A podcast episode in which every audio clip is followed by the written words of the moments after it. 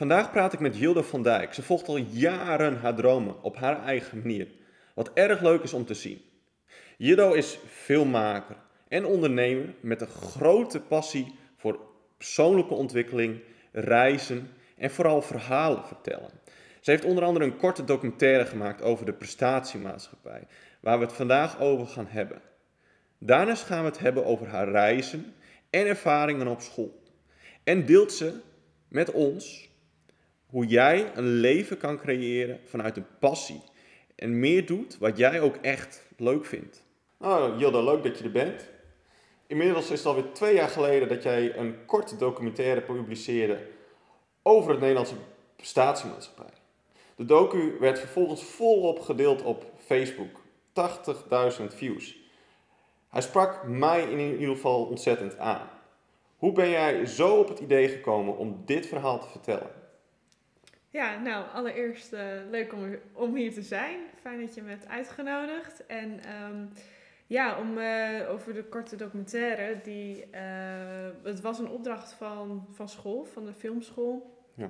En het was voor mijn eindmodule. Het was een eindopdracht. En ja, ik heb zelf eigenlijk, voordat ik wist dat filmen mijn, een van mijn grootste passies was Daarvoor heb ik uh, na mijn middelbare school twee tussenjaren genomen. Mhm. En ik ervaarde echt ontzettend veel studiekeuzestress. Mensen die gingen vragen van... Uh, wat ga je nou doen? Of uh, heb je al studie geko gekozen? En elke keer als ik dan terugkwam van mijn reizen... dan kwam die vraag ook weer, weer naar voren. Mhm. En um, ja, toen ik dus de opdracht kreeg voor de documentaire... toen zou ik hem eerst maken over studiekeuzestress... En naarmate ik verder in die research dook, ehm, hoorde ik eigenlijk allemaal verschillende verhalen uit alle generaties. Van uh, een meisje die met tranen in haar ogen terugkomt bij haar moeder omdat ze in het rood staat bij rekenen. Tot um, volwassenen die burn-outs krijgen. En het voelde voor mij niet goed om het alleen te focussen uh, op studiekeuzestress. Mm En toen ben ik dat eigenlijk verder gaan onderzoeken. En toen zag ik um, dat het in onze hele maatschappij zat. En ehm, ja, toen ging ik eigenlijk voor mezelf de vraag stellen van... hé, hey, waar komt deze druk vandaan? En um, vandaar is toen mijn, uh, mijn korte documentaire ontstaan. Ja, gaaf. En, en was je ook verbaasd van de reacties of zo die je daarin kreeg? Ja, ja echt ontzettend. Want um, ja, goed, toen ik hem had ingele ingeleverd uh, op school toen daarna dacht ik van, uh, ik zet hem gewoon op Facebook. Mhm. het, heeft, het had mij echt nou, ontzettend veel gebracht. Ja. En ik, ik had echt de, die film gemaakt met de intentie van... als ik ook maar één iemand kan helpen... Mm één iemand dus een vorm van verlichting kan geven... dan ben ik al ontzettend blij. Ja. En daarmee had ik hem dus ook op Facebook gezet van... nou joh, dit is mijn uh, documentaire mhm. en... Um, doe ermee wat je wil. En ik hoop dat, dat je hier ook, uh, um, dat het ook waardevol voor jou kan zijn. Ja, gaaf. En um, ja, toen, ik wist echt niet wat er overkwam, want het werd echt super vaak gedeeld. En ik ontving echt hele mooie berichtjes van iedereen. En um, ja, ook, van, ook weer van eigenlijk alle lagen van de generaties. Van uh, iemand die bij de bank werkt tot een jongen van 16 die druk voelt uh, vanuit zijn ouders. En ja, ik vond het wel heel bijzonder dat iedereen uh, van die mooie verhalen met mij wilde hm. delen. En dat was voor mij ook alleen maar meer een bevestiging van hoe die, ja, hoe die druk heerst in onze maatschappij. Ja, ja, gaaf. Want denk je dat deze druk ook veel nadelige gevolgen heeft voor bijvoorbeeld eh, het welzijn van onze maatschappij? Ja, echt ja, ontzettend. Want je ziet steeds meer bij jongeren, bij volwassenen, je ziet steeds meer mensen die depressieve gevoelens hebben, mhm. burn-out. Ja. Ehm, en ik wil er wel bij zeggen dat presteren zelf en druk, daar is niks mis mee. Mm Ik bedoel, dat is eigenlijk gewoon. Ik bedoel, soms heb je dat zelfs nodig om echt iets moois te creëren. Ja, precies.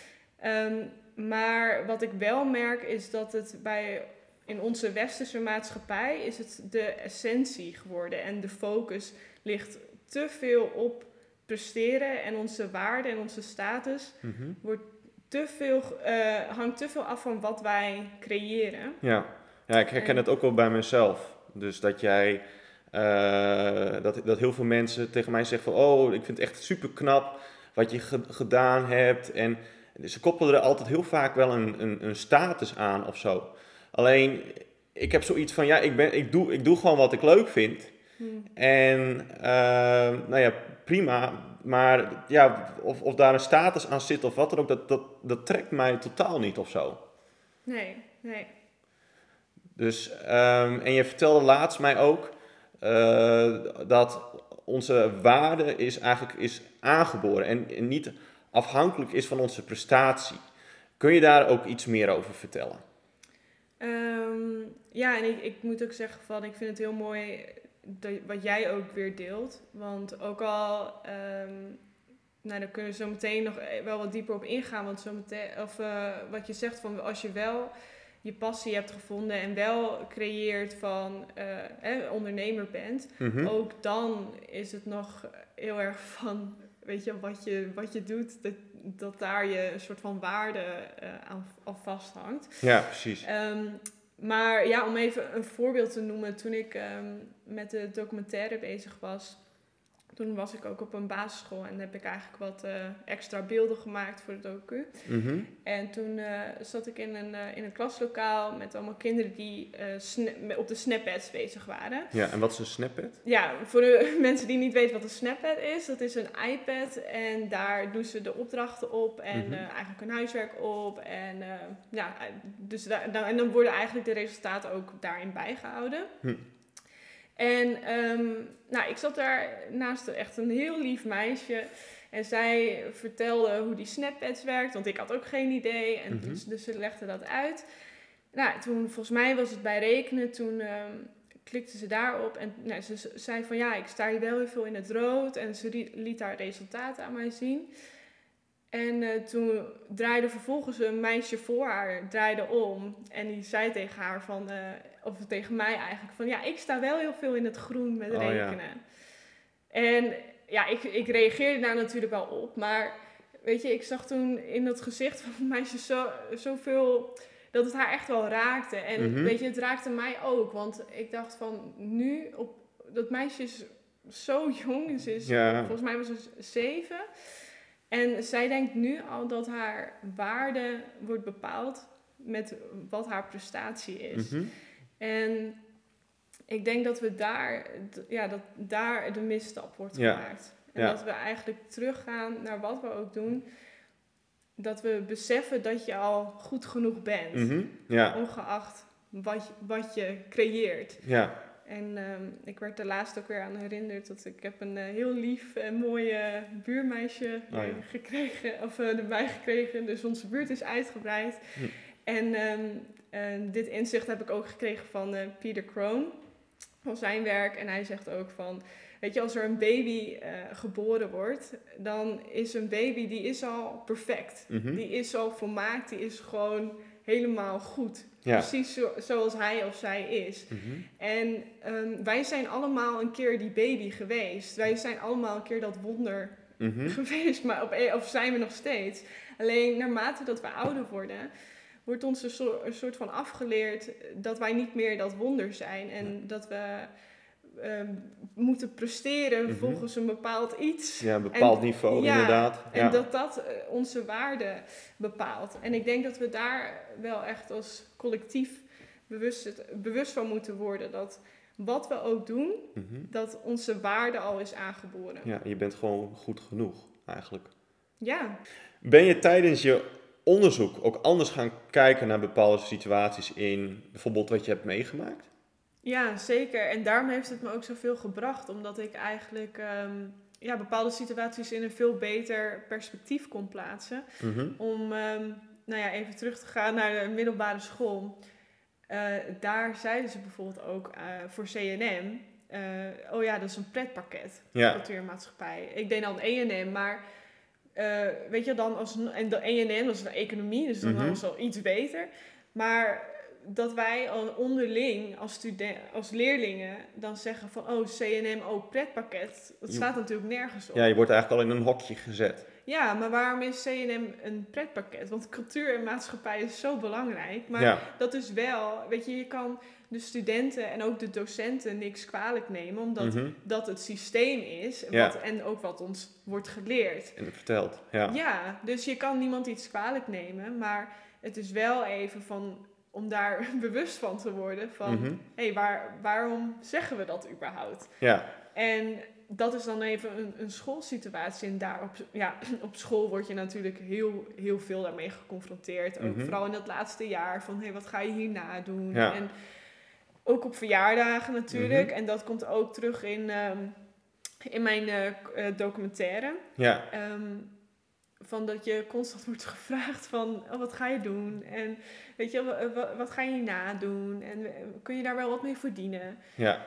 dat soort vragen komen steeds weer aan bod. Mhm. En ehm, niemand iets kwalijk te nemen, want dat is ook wat ons is aangeleerd. Ja, dat zijn ook vragen uit interesse. Mhm. Maar het moet niet bij die economische scan blijven. Het Nee. gaat wel om dat je elkaar echt ziet en dat je ook ehm, ja, wat meer open vragen stelt. Ja. En wat meer gaat kijken naar de essentie van een persoon. Ja, ja want als, je, als ik bijvoorbeeld terugkijk naar mijn schoolperiode. eh, inderdaad, het laatste jaar waar je aangeeft van ja, wat ga je hierna doen? En eh, wat mijn droom toen eigenlijk altijd was, was om piloot te worden. Maar, ehm, nou ja, ik zat dan bij, in zo'n hokje bij zo'n vrouw. Eh, op school was dat dan. En die ging je dan helpen bij je studiekeuze. keuze. En die zei toen tegen mij van, nou ja, ik wil heel graag piloot worden. Toen zei ze van, ja, maar dat, dat kan jij niet. Jij, jij, Mm. Jij eh, hebt dyslexie, dus dat gaat je niet helpen. Eh, je kan niet goed genoeg leren, dus dat gaat je ook niet helpen. En zo werd ik eigenlijk in een hokje gedeeld van de droom die ik dus had, werd me gewoon afgepakt door zo'n vrouw in een hokje. En ehm, wat ik daar heel erg van geleerd heb van, nou ja, weet je, als ik dan geen piloot kan worden, waarom zou ik dan niet iets anders met vliegtuigen gaan doen? En uiteindelijk ben ik daar dus ehm, ingerold door dus de drones. En eh, heb ik dus, dus nu bijvoorbeeld eh, nou ja, grotere vliegtuigmaatschappijen als klant. eh, om dus die visuele inspecties daar uit te voeren. En dit vind ik eigenlijk veel leuker dan elke dag als een soort te vliegen. Want ik mag nu gewoon bij die vliegtuigen, bij het onderhoud zijn, met die mensen praten. En, en dat, dat trekt me eigenlijk veel meer. Dus op een of andere manier heeft dat mij veel meer gebracht dan dat. Alleen eh, wat heel belangrijk is, is dat als zo'n vrouw dat tegen je zegt, dat je niet die droom ehm, stopzet. En niet met die droom stopt, omdat één iemand dat tegen jou zegt. Want dat is zo zonde. Mhm. Ja, en, en ehm, maar ben jij die, die vrouw dankbaar omdat je daardoor anders ging kijken? Of Nou, niet, niet dankbaar, want... want eh, uiteindelijk eh, heb je daardoor wel dat je in drones bent gerold en dat je naar die kant ging kijken? Of ja, is het gewoon meer de manier waarop het, je, waarop het werd gebracht? Nou, kijk, eh, zij heeft er niet voor gezorgd dat ik er op een andere manier naar ben gaan kijken. Want ik ben toen nog steeds naar mijn volgende school gegaan Hm. met de intentie van ik word piloot. Hm. Maar ik ga dat niet rechtstreeks via de universiteit doen of wat dan ook. Nee, ik ga het in verschillende wegen doen. En ik ga verschillende opleidingen volgen, zodat ik uiteindelijk dus piloot kwam. Maar eh, waar het mij om ging, eh, kijk, ik heb dan wel het, het, eh, de drive om het op die manier aan te pakken. Uiteindelijk heb ik dat niet gedaan omdat ik iets heel anders, veel leukers op mijn pad is gekomen. Alleen ehm, omdat zo'n vrouw dat tegen je zegt, ben ik bang, ik weet niet of dat zo is natuurlijk, Hm. dat er ook mensen zijn of eh, andere mensen van onze leeftijd zijn die zo'n vrouw wel gaan geloven. En dus wel geloven van oké, ik kan dus geen piloot worden, dus ik ga wel wat anders doen. En dus hun droom eigenlijk aan de kant zetten voor iets anders. Ja, en mm, want wat deed, wat deed dat met jou toen zij dat tegen jou zei van, eh, oh je kan dat niet?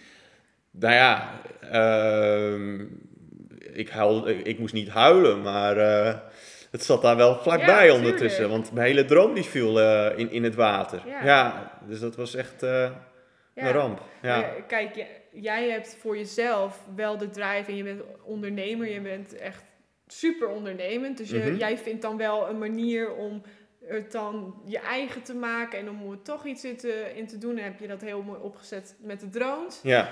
Ehm, maar weet je wat het wel is? En daar kan ik me gewoon... Ja, ik merk dat het, dat mij wel raakt. Als een ouder iemand tegen iemand zegt, dat. jij ja. kan dat niet. En Mhm. vooral tegen kinderen. Ja, De, ik, ik kan bijna die woorden, weet je, je moet die woorden gewoon niet gebruiken van jij kan dat niet. nee. Ga kijken naar wat wel kan en Mhm. focus op de positieve kant en op de krachten van hé, hey, eh, je hebt wel dyslexie, dus het eh, gaat misschien, eh, hè, dat, dat gaat misschien niet helemaal lukken, maar of verzin een andere manier. En Mhm. door jouw drive en door je inzicht heb jij zelf, eh, Mhm. dacht je van nou, eh, bekijk het, ik eh, zoek mijn eigen manier. Ja, ik geloof je- die vrouw niet. Dat was mijn intentie. Nee, precies. Maar je hebt wel ehm, dat jij dus voor jezelf besloot: oké, ik ga jou niet geloven en ik ga jouw advies niet aannemen. Mhm. Maar het is wel wat je zegt: er wordt te veel, te veel naar jongeren en naar kinderen gezegd: van jij kan dat niet. Mhm. En dat je in een hokje wordt geplaatst en de droom wordt weggezet. Of je, je kan daar geen, ge- niet genoeg geld mee verdienen. Mhm. Of dat je een statistiek op een bord krijgt te zien van, nou, als je dit beroep hebt, dan krijg kun je zoveel verdienen en zoveel. En Ja. dat je zo, Ja, je, je, wordt, je, Ja. droom, je droom wordt eigenlijk afgepakt door eh, een cijfer op papier, wat je elke maand binnenkrijgt. Dat, dat is een beetje het gevoel wat je erbij krijgt. Want op een gegeven moment gaan ook mensen naar de cijfertjes kijken die ze gaan verdienen, mm, in plaats van hun droom achterna te gaan. Omdat hun droom blijkbaar voor hun, dat denken ze dan, niet genoeg oplevert. Ja, maar weet je, ook om niemand iets kwalijk te nemen, want dat is gewoon wel, eh, dat is gewoon waar het systeem. Mhm, En d- ik ja, denk dat we klopt. daar vooral, we moeten niet te veel gaan kijken naar het individu, maar gewoon naar het algeheel. Ja, En ehm, ja, ja, dat had ik zelf ook van, ja, ik, wi- ik wist dat ik sowieso een, een tussenjaar wilde gaan doen. Dus Mhm. dat was vastberaden. Maar als het dan een studierichting was, dacht ik van, eh, oh ja, iets in de economie of zo. ja zei ik maar. precies. Ik had geen idee wat ik Ja. wilde. Maar dat zei ik dan maar omdat ik denk, oh ja, dat is dan een beetje geaccepteerd. Ja, Maar- ja. ja, ik wou Ja. eerst ook naar de universiteit, want daar werd mij verteld dat dat de enige manier was om succesvol te zijn. Mm, En eh, op een gegeven moment werd dat HBO.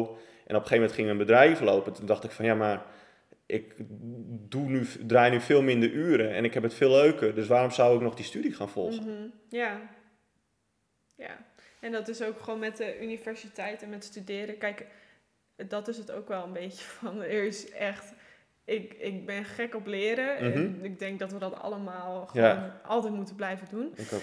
Maar. ehm, en er is ook niks mis met de universiteit. Als jij heel graag dokter wil worden, dan heb je gewoon die studie nodig. Precies. En dan eh, alleen maar supergoed als jij daar vol Ja. voor wilt gaan. Eh, daar kan ik alleen maar eh, diep respect voor hebben. Mhm. Maar het is, gaat er gewoon om dat je gaat kijken naar, hé, hey, wat heb ik nodig? En wat ligt je? ja, Dat vooral. precies. En wat heb ik nodig? En niet naar, oh, ik moet maar een diploma hebben omdat ik dan geaccepteerd word of Ja. zo. Precies. Ja. Ja, dus wat ik, wat ik wel heel erg ook meemaakte is dat, eh, wat je ook al aangaf over, nou ja, je bent als baby eigenlijk dus perfect. En eh, nou ja, wat ik wel een heel mooi voorbeeld vond is dat we eigenlijk in een wereld komen waar we eigenlijk geen idee hebben wat ons overkomt. En eh, constant maar vol worden gestopt met informatie. Dus wij krijgen informatie over eh, van vrienden, van familie, maar ook heel veel van school. En van school dus eigenlijk die prestatiegerichte informatie dat jij dus moet presteren. En dat wordt ook weer doorgevoerd naar bijvoorbeeld het nieuws. Want eh, we geloven allemaal het nieuws. Maar wordt er wel eigenlijk echt gezegd wat er ook echt klopt?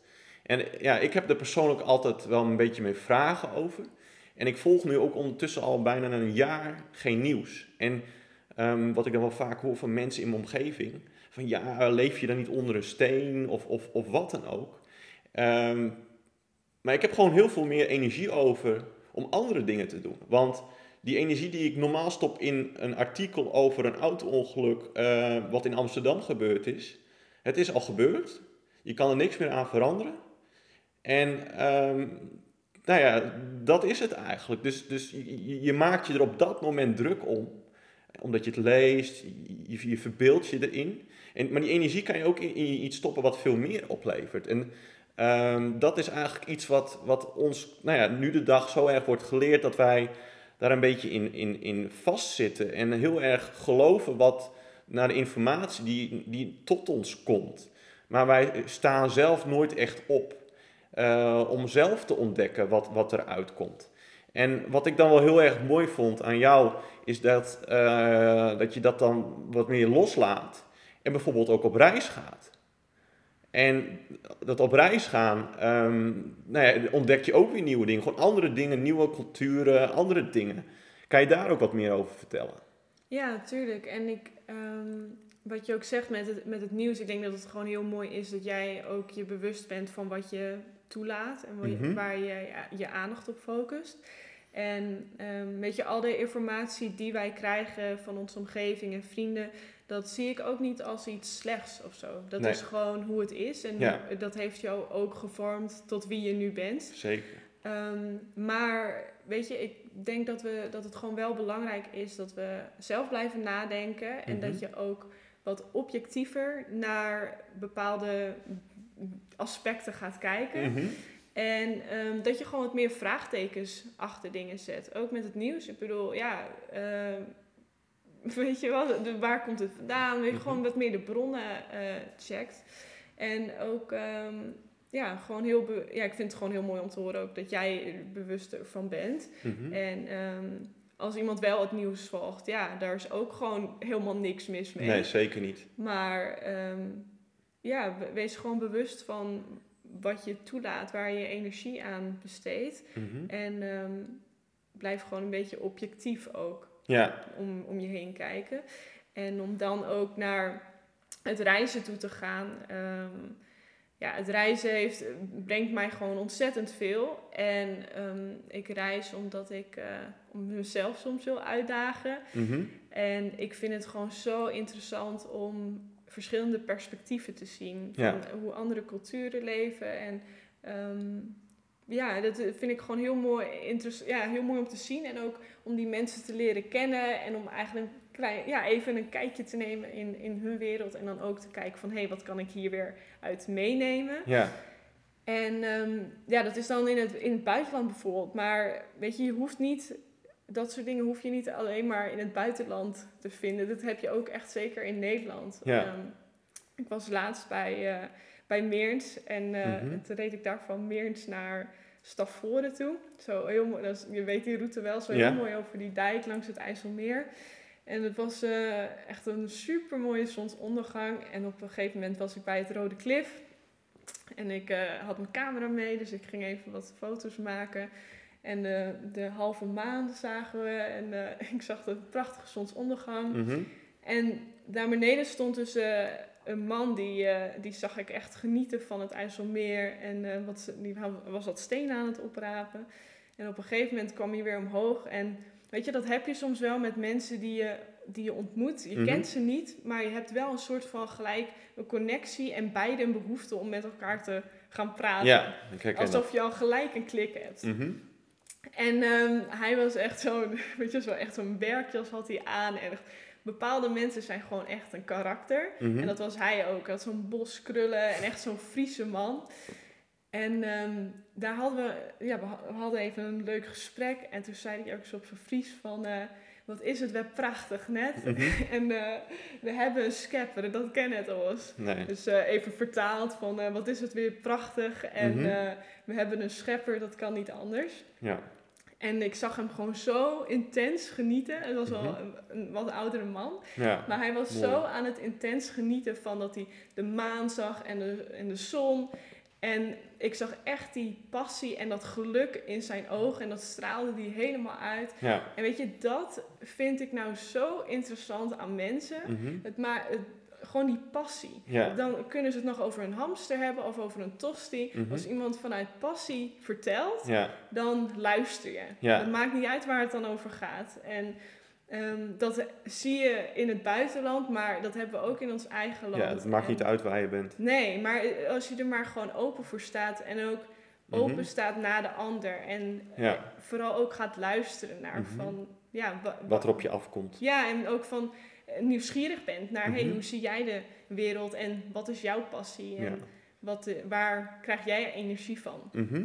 Ja, gaaf, gaaf. En stel die, die, die buitenlandse reizen. Mhm. Hoe, hoe betaal je dat dan? Want ehm, nou ja, voor, voor heel veel mensen hoor je wel, ja, ik wil wel heel graag reizen. Maar hoe, hoe, hoe doe je dat? Ja, nou, het is, eh, daar kunnen we heel veel over vertellen. En dat is helemaal afhankelijk van hoe jij je reis wil inrichten natuurlijk. Mhm. Ehm, want reizen hoeft echt niet heel duur te zijn. Je kan couchsurfing doen. Dat is dat je eh, bij mensen op de bank slaat. Oh, En ehm, dan in ruil daarvoor, als zij weer bij jou, of in Nederland bijvoorbeeld zijn, dan lever je, of dan offer jij ook jouw bank op. ja, precies. En dat is echt een top manier ook om eh, nieuwe mensen te leren kennen. Ja. Je bent gelijk tussen de locals. Daarnaast zijn hostels zijn ook niet duur. Ehm, ja, er zijn echt ont- je kan house sitting doen. Hm. Dan pas jij op een huis en dan pas je op de kat of op de hond. Oh. En dan kun je ook gratis verblijven. En ehm, vrijwilligerswerk heb je ook. Ja, er zijn gewoon zoveel opties. En dat is maar net wat je wil. En eh, zelf heb ik nu dat ik, eh, als ik echt een specifiek land in gedachten heb, dan ga Mhm. ik daar gewoon voor sparen. ja. En vaak, nou, ik heb nu gewoon het geluk ook dat ik steeds meer eh, overal kan werken. En Mhm. vaak zie ik dan op locatie of ik daar een opdracht aan kan binden en Ja. zo nog wat break-even krijgen bijvoorbeeld. Mhm, Dat is Maar- het leukste. Ja, zeker. Maar er zijn echt ontzettend veel opties en het is maar net wat jij wil en hoe graag je het wil. Mhm, Ja, precies. En ehm, wat is eigenlijk dan het mooiste inzicht wat jij eruit hebt gehaald uit bijvoorbeeld afgelopen jaar? Ja, heel, heel veel. Ik heb afgelopen jaar echt ontzettend veel inzichten mogen krijgen. En Mhm. ehm, eh, ik denk ook in het algemeen ben ik mezelf gewoon wat bewuster van mijn ego en van eh, bepaalde overtuigingen. Ja, ik ben heel blij dat ik die eh, heb kunnen doorbreken en dat inzicht Mhm. heb gekregen. Maar het, het mooiste is denk ik wel dat ik me heel bewust ben van iedereen zijn eigen perspectief en, en bril eh, die ze op hebben. ja, Dus ehm, weet je wat iemand vindt, dat is niet per se wel waar of niet waar. Dat is gewoon hoe iemand de wereld ziet. Je weet Mhm. niet wat zijn ervaringen zijn, hoe die is opgegroeid en hoe die bepaalde dingen bekijkt. ja, En dat is voor mij ook zo. Wat ik, wat mij nu ook wat ik deel. Ik deel ook echt puur vanuit mijn perspectief en weer vanuit mijn ervaringen. en jouw passie. Ja, zeker. En, ehm, maar het is wel mijn perspectief. Ja, en zeker. eigenlijk, dat ben ik, daar ben ik me gewoon heel bewust van geworden. En ook van dat je, dat het allemaal in jou zit. Mhm. Dus in plaats van dat je zegt, nou eh, Henk maakt mij onzeker. Mhm, Dat, dat is niet zo. Henk triggert iets in jou. Wat, wat er, zit al een onzekerheid in jou. Alleen Ja. Henk die activeert dat. mhm. Dus eh, om even Henk, heel origineel met de naam. Ja, Maar ehm, de, Henk is zeg maar een cadeau. Mhm. Want bij hem kun je nu denken van... Oh, hé, hey, ik ben, heb dus nog een vorm van onzekerheid in mij. ja, En nu zie ik dat, dus kan ik daaraan werken. Van hé, hey, Mhm. waar komt dat vandaan? ja, En dan sta je zoveel meer in je kracht. Want als jij zegt, hij of zij maakt mij eh, verdrietig of onzeker. Of, weet je, en los van, ik zeg niet wat die persoon doet goed is. Mhm. Of dat het klopt of Ja. rechtvaardig is. Dat zeg ik niet. nee, Maar wel dat je wat meer naar jezelf gaat kijken. En Mhm. wat meer in je eigen kracht gaat Ja. staan. En ook gaat kijken van, hé, hey, eh, wat is dat wat Mhm. dit in mij, eh, wat hier naar boven Ja. komt. En dat je er zo van gaat leren. Dat is juist het mooie, want het leven brengt jou constant mensen en omstandigheden op jouw pad mhm, waarvan jij kan groeien. Dus nu ben ik er ook zoveel meer in die kracht gaan staan. mhm. En ook als er wel iets op mijn pad komt, dan ga zet ik daar een vraagteken achter van hé, hey, ik merk Mhm. dat dit iets met wat met mij doet.